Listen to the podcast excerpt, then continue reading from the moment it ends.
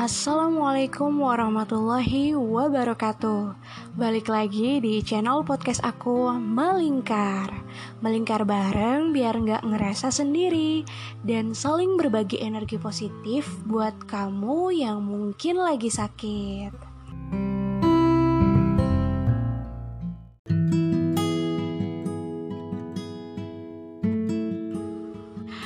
Oke teman-teman semuanya, uh, sesuai dengan judul podcast aku kali ini, aku bakalan ngobrolin soal dakwah di dalam keluarga. Nah ini bukan berarti aku sudah bisa ya bisa dakwah dalam keluarga karena aku sendiri masih berproses.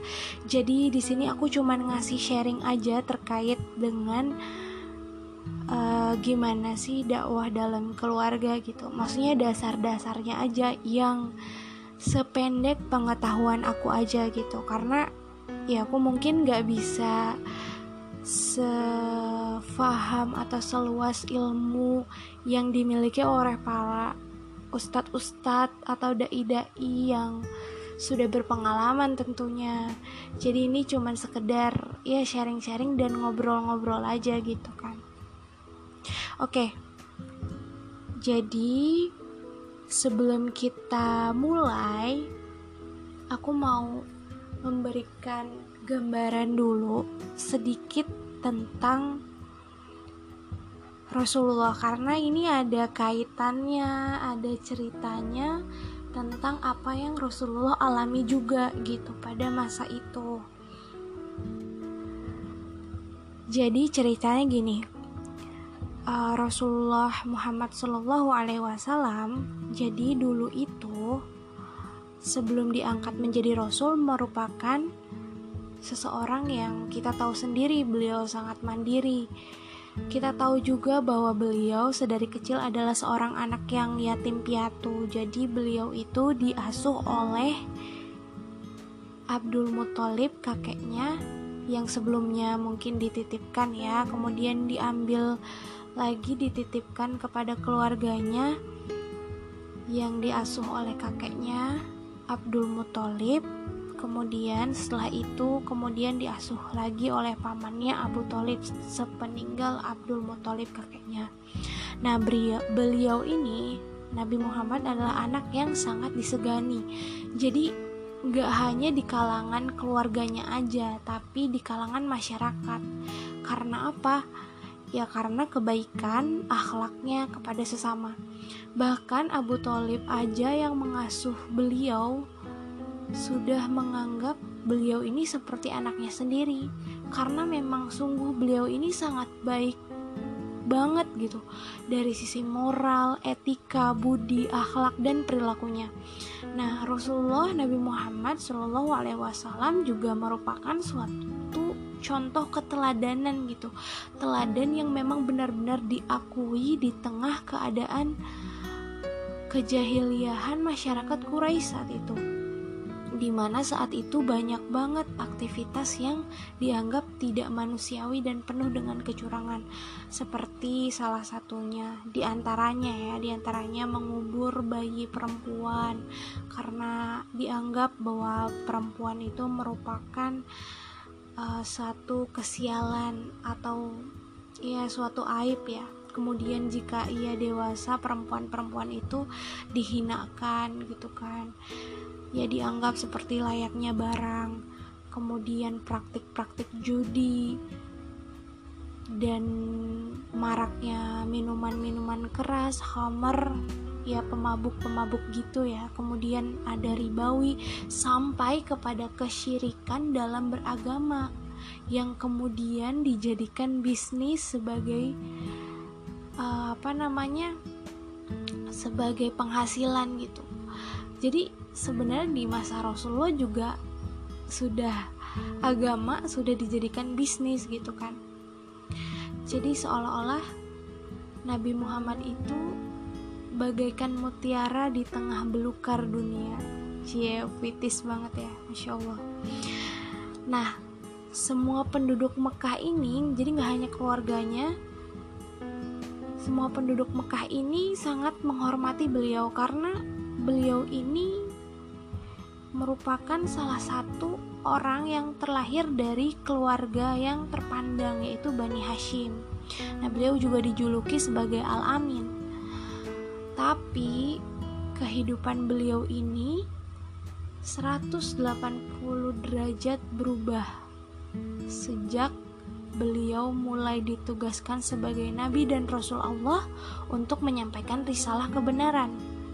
Jadi saat wahyu pertama turun, kita tahu sendiri mungkin teman-teman di sini udah pada tahu ya karena sering mendengar ceritanya. Tapi di sini aku mau bahas sekilas aja. Jadi saat wahyu pertama turun, keluarga yang pertama kali beliau beritahu adalah istrinya sendiri, Bunda Khadijah radhiyallahu anhu. Kemudian beliau langsung percaya dan beriman saat itu ya dengan apa yang Rasulullah katakan. Masya Allah itu teladan banget Bunda Khadijah bagi para wanita-wanita Kalau ingin menteladani sosok wanita yang luar biasa ya Bunda Khadijah ini Bahkan setelah mengetahui penjelasan dari Warakoh, saudara Bunda Khadijah Jadi Warakoh ini adalah seorang ahli kitab yang masih mengimani dan memegang prinsip ajaran Nabi Ibrahim berkata beliau kepada Khadijah dan Rasulullah saat itu. Nah, saat itu kejadiannya itu uh, ada yang berbeda pendapat ya ulama. Ada yang hanya Khadijah saja yang menemui Warakah ini, ada juga yang mengatakan bersama dengan Rasulullah menemui Warakah ini. Nah, kemudian beliau menjelaskan Warakah ini menjelaskan ahli kitab ini menjelaskan bahwa itu adalah tanda-tanda kenabian yang muncul di dalam diri Rasulullah Muhammad Wasallam dan mendengar hal itu seketika Bunda Khadijah berbaiat kepada Nabi Muhammad suaminya sebagai seorang utusan Allah. Nah, kemudian wahyu selanjutnya turun dan Rasulullah diperintahkan untuk menyampaikan kepada umatnya. Nah, mulai dari sejak itu Rasulullah baru menyampaikan kepada umatnya dan keluarga terdekatnya khususnya yang pertama kali diberitahu tentang wahyu yang beliau terima gitu. Jadi waktu itu yang pertama kali dikasih tahu itu dari kalangan keluarganya, kerabat-kerabat dekatnya, bahkan sahabatnya. Jadi beliau itu masih menyampaikannya secara sembunyi-sembunyi gitu, atau yang kita kenal mungkin dengan dakwah secara sembunyi-sembunyi. Jadi dimulai dari keluarganya. Nah, berarti pada saat awal dakwah ini beliau menyampaikan risalah risalah yang diturunkan Allah kepada keluarganya, keluarga terdekatnya. Bayangin gimana reaksinya keluarganya beliau saat itu, yang rata-rata kebanyakan merupakan para eh, petinggi-petinggi gitu di kalangan kabilah Bani Hashim, di kalangan Bani Quraisy karena Bani Hashim ini merupakan bani salah satu bani yang sangat dihormati di kalangan bani di kalangan Quraisy gitu. Karena keluarga beliau adalah salah satu keluarga yang uh, memegang semacam apa ya sebutannya kayak peribadatan gitu di wilayah Mekah ya ada yang memegang pengelolaan air zam-zam, pengelolaan Ka'bah, dan aktivitas-aktivitas ibadah haji lainnya. Bahkan kakek beliau pun, Abdul Muthalib, adalah salah satu pemegang kunci Ka'bah.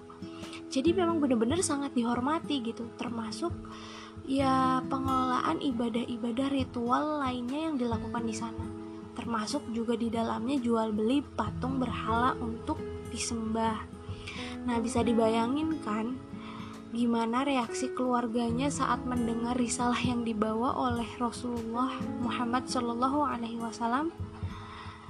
Kalau sekarang mungkin ya sebutannya kayak mungkin uh, keluarganya beliau itu bisa diibaratkan rohis atau MUI-nya gitu loh, yang menangani soal keagamaan-keagamaan dan ritual-ritual di dalamnya. Dan itu kan apa yang dibawa Rasul kan benar-benar bertolak belakang banget 180 derajat dan apa yang dibawa Rasul itu kan tentang ketauhidan sedangkan apa yang dilaksanakan apa yang ritual-ritual yang dilaksanakan oleh keluarganya beliau adalah ritual-ritual yang jauh dari ketauhidan gitu menyembah berhala dan lain-lain Nah, untuk meluruskan itu, makanya Rasulullah itu diutus oleh Allah Subhanahu wa taala.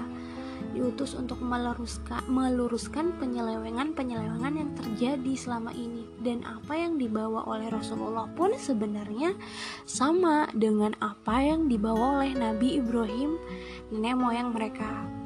Nah, Rasulullah dengan sifat-sifatnya yang jujur, baik, berakhlak, berbudi pekerti yang tinggi, sopan dan beretika itu ditentang saat menyampaikan kebenaran itu. Jadi, beliau ketika menyampaikan sesuatu yang bertolak belakang dengan keluarganya itu memang pasti itu akan sangat-sangat berat gitu. Padahal ya itu adalah keluarganya keluarganya sendiri gitu tapi meskipun keluarganya ketika itu ada sesuatu yang kita sampaikan uh, dan itu bertolak belakang dengan budaya atau kebiasaan keluarga kita pasti akan banyak yang menentang gitu.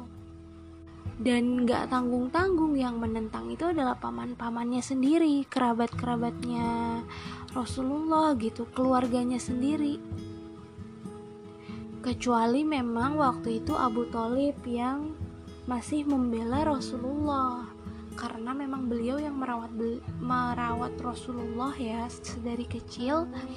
Dan memang Rasulullah ini sudah dianggap menjadi anak seperti seperti anaknya sendiri gitu. Meskipun memang sampai akhir ayatnya ini Abu Talib tidak berpindah dari keyakinan nenek moyangnya kepada risalah yang Rasulullah bawa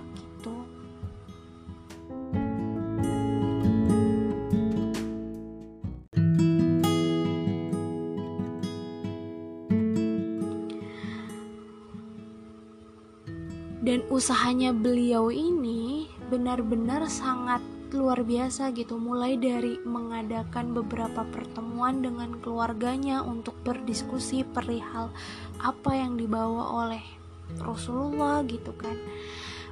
Kemudian sampai kepada keluarganya sendiri itu memboikot beliau gitu memboikot Rasulullah dan para pengikutnya. Bayangkan diboikot oleh keluarga sendiri jadi keluarganya itu memanas-manasi beliau gitu menentang beliau dan memanas-manasi beliau. Kalau bahasa kerennya sih kayak ngompor-ngomporin gitu loh ngompor-ngomporin teman-teman kita tetangga-tetangga kita masyarakat sekitar kita biar masyarakat kita tuh atau tetangga-tetangga kita tuh nggak percaya sama apa yang dibawa oleh Rasulullah gitu kan. Bayangin sampai ngompor-ngomporin dan itu yang ngelakuin siapa? Keluarga kita sendiri keluarga beliau sendiri yang melakukan itu, paman-pamannya sendiri, kerabat dekatnya sendiri. Bahkan akibat dari itu semua, beliau menerima cacian dan hinaan dari masyarakat yang tadinya beliau disanjung dan dihormati. Ya meskipun masih tetap ya, masih tetap ada rasa segan dan rasa hormat tetapi beliau tetap aja gitu men ada cacian dan hinaan dari masyarakat yang sampai kepada beliau gitu sampai dilempari batu, kotoran, bahkan dianggap gila dan penyihir gitu. Penyihir yang mampu memisahkan dari anak dan orang tuanya, suami dari istrinya, bahkan memecah belah keluarga dan agamanya sampai sampai fitnah kayak gitu. Berat banget benar-benar berat. Dan dari kisah beliau ini kita belajar bahwa dakwah di dalam keluarga memang gak mudah. Tetapi meskipun begitu masih lebih sulit ujian yang diterima Rasulullah sebenarnya. Ya kalau kita pikir-pikir emang dakwah kita di dalam keluarga kita ini yang mungkin sampai sekarang masih dilakukan gitu apakah menyebabkan kita terusir terusir dan tidak dianggap sebagai keluarga atau dakwah kita uh, menyebabkan keluarga kita sendiri sampai memboikot diri kita gitu seperti apa yang dilakukan Rasulullah. Dan apakah keluarga kita sampai menyebarkan gitu atau ngompor-ngomporin berita-berita hoax tentang kejelekan-kejelekan kita yang dibuat-buat gitu dan disampaikan kepada halayak umum tentang diri kita sehingga orang-orang tuh jadi memandang kita tuh jadi nggak baik dan bahkan malah memusuhi kita gitu berbalik memusuhi kita. Kayaknya jarang banget gitu loh. Malah sejahat-jahatnya keluarga itu nggak sampai ngusir atau memboikot kita gara-gara kita tuh berdakwah kepada keluarga kita atau ibaratnya sampai berani gitu ngelempar batu atau kotoran ke ke kita gitu. Emang kita pernah gitu dilempari batu sama kotoran gara-gara apa yang kita sampaikan dakwah yang kita sampaikan kepada keluarga? Enggak. Bahkan mungkin nggak ada gitu. Ya kalaupun ada mungkin sampai banter-banternya mungkin dimusuhin sampai diusir doang gitu. Tapi nggak nggak pernah sampai mungkin ngajak orang buat musuhin kita balik gitu kan. Nah lantas pantaskah kita gitu ngeluh nyerah dalam berdakwah kepada keluarga kita? Padahal Rasulullah adalah sosok teladan di tengah keluarga dan masyarakatnya. Beda sama kita yang belum tentu kita aja jadi tokoh teladan bagi keluarga kita apalagi masyarakat kita dan apakah kita sudah berlaku sebaik Rasulullah dalam menyampaikan dakwah di tengah keluarga kita? Coba kita cek kembali, renungkan dan ingat-ingat lagi cara dakwah kita kepada keluarga kita.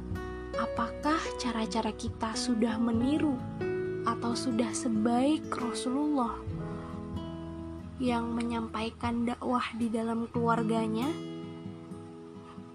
Bahkan sampai akhir ayatnya pun Rasulullah pun berusaha mendakwahi keluarganya. Ingatkan cerita pamannya Abu Talib yang beliau Rasulullah Shallallahu Alaihi Wasallam berusaha mendakwahi beliau karena beliau ini adalah paman sekaligus seperti orang tua bagi Rasulullah orang yang paling dekat dengan beliau yang sangat beliau cintai yang bahkan mendukung dakwah beliau gitu membela beliau ketika beliau diserang oleh keluarganya, paman-pamannya dan bani-bani lain. Tetapi sampai akhir hayatnya, sampai akhir hayat pamannya Abu Talib ini beliau tidak bisa mengajaknya kembali kepada Islam gitu. Untuk ke, apa namanya untuk beriman kepada Allah gitu. Bertauhid kepada Allah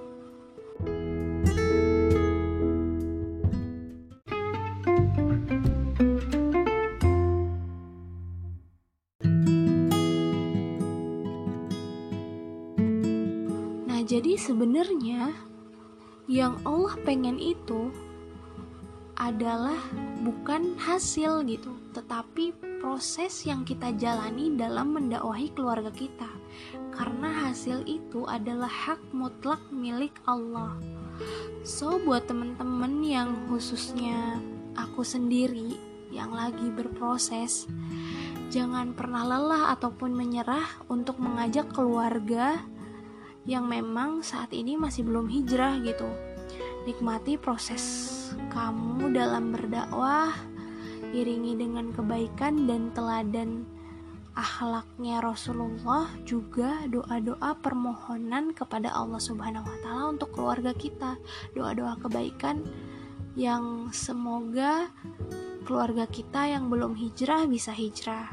Jadi harus tetap semangat dalam berdakwah seperti yang disampaikan Allah dalam Al-Qur'an surat Al-Ghasyiyah ayat 21 sampai 22 yang artinya maka beri maka berilah peringatan karena sesungguhnya kamu hanyalah orang yang memberi peringatan. Kamu bukan orang yang berkuasa atas mereka. Nah menurut Ibnu Ibnu Katsir ya dalam tafsirnya Nabi Muhammad itu sebenarnya hanyalah orang yang memberi peringatan dengan apa yang Allah utuskan kepada beliau untuk disampaikan kepada umatnya. Dalam ini, dalam ayat ini juga disebutkan, uh, mas, bukan disebutkan, maksudnya tersambung ya dalam ayat lain di dalam Quran surat Ar-Rod ayat 40 sesungguhnya tugasmu hanyalah menyampaikan saja gitu. Sedangkan kamilah yang menghisap amanan mereka. Nah Ibnu Abbas dan Mujahid serta keduanya menyampaikan juga bahwa makna surat Al-Ghasyiyah ayat yang ke-22 ini tentang kamu bukanlah orang yang berkuasa atas mereka memiliki makna yang sama dengan firman Allah yang lain di dalam surat Al-Qaf dalam surah Qaf ayat 45 yang artinya dan kamu sekali-kali bukanlah seseorang pemaksa terhadap mereka. Yang berarti bahwa kamu itu bukanlah orang yang dapat menciptakan iman di dalam hati mereka. Jadi ya memang tugas kita menyampaikan gitu bukan bukan apa namanya bukan uh, tugas kita tuh bukan sampai berhasil gitu mengajak mereka untuk berkeyakinan sama dengan kita gitu. Bahkan Imam Ahmad, Imam Muslim dan Imam Tirmizi juga memaknainya dengan pemaknaan yang sama. Dalam berproses tentunya perlu amunisi buat kita biar kita bisa tetap bertahan dan kuncinya adalah kesabaran. Setelah kita menyampaikan kebenaran, maka kita harus sabar juga dalam menyampaikannya. Karena ada orang-orang yang memang dia harus berkali-kali gitu dikasih nasihat. Jadi nggak cukup sekali dia harus ada yang mungkin dua kali tiga kali sepuluh kali bahkan sampai lima puluh kali perlu nasihat gitu. Makanya Allah bilang di dalam Quran surat Al-Asr ayat 3 dan saling nasihat menasehati supaya mentaati kebenaran dan saling nasihat menasehati supaya menetapi kesabaran. Nah, dari tafsir Ibnu Katsir dijelaskan juga bahwa menasehati supaya mentaati kebenaran adalah tugas kita menunaikan dan meninggalkan semua yang diharamkan. Jadi menasehati uh, menasehati dengan apa-apa yang harus mana aja yang harus ditunaikan dan mana aja yang harus ditinggalkan gitu. Sedangkan menasehati supaya menetapi kesabaran maknanya harus tabah dalam menghadapi ujian dan malapetaka serta gangguan dari orang-orang yang sedang kita nasihati untuk melakukan kebajikan dan melarang berbuat kemungkaran gitu. So kuncinya jadi emang sabar sih dan dilakukan secara kontinu terus menerus. Jadi sekali lagi jangan lelah dan jangan menyerah. Karena kewajiban kita setelah berusaha melindungi diri kita dari api neraka adalah melindungi keluarga kita juga dari api neraka gitu. Oke, mungkin itu aja hal-hal yang pengen aku sampaikan. Ambil yang baik-baiknya aja ya, karena kebaikan itu datangnya dari Allah gitu, bukan dari aku. Ya masa kebaikan yang datang kepada kita kita tolak sih. Apalagi kebaikan itu dikasih langsung dari Allah gitu. Nah kalau keburukan ya itu pasti udah tahu sendiri gitu datangnya dari aku.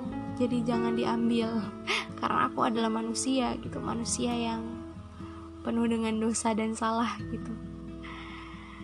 Jadi itu aja doain terus supaya kita bisa lebih baik supaya aku bisa lebih baik ke depannya dan kita bisa lebih baik bersama-sama. Jadi kita sama-sama belajar dan jangan lupa selalu ingetin aku kalau semisalkan aku salah atau khilaf gitu. Karena inget tadi tugas kita untuk saling nasihat menasehati. Jadi jangan sungkan ya. Kita sama-sama bertumbuh, bertumbuh dan berkembang menjadi lebih baik insya Allah. Oke, sekian podcast aku kali ini. Semoga bermanfaat. Wassalamualaikum warahmatullahi wabarakatuh.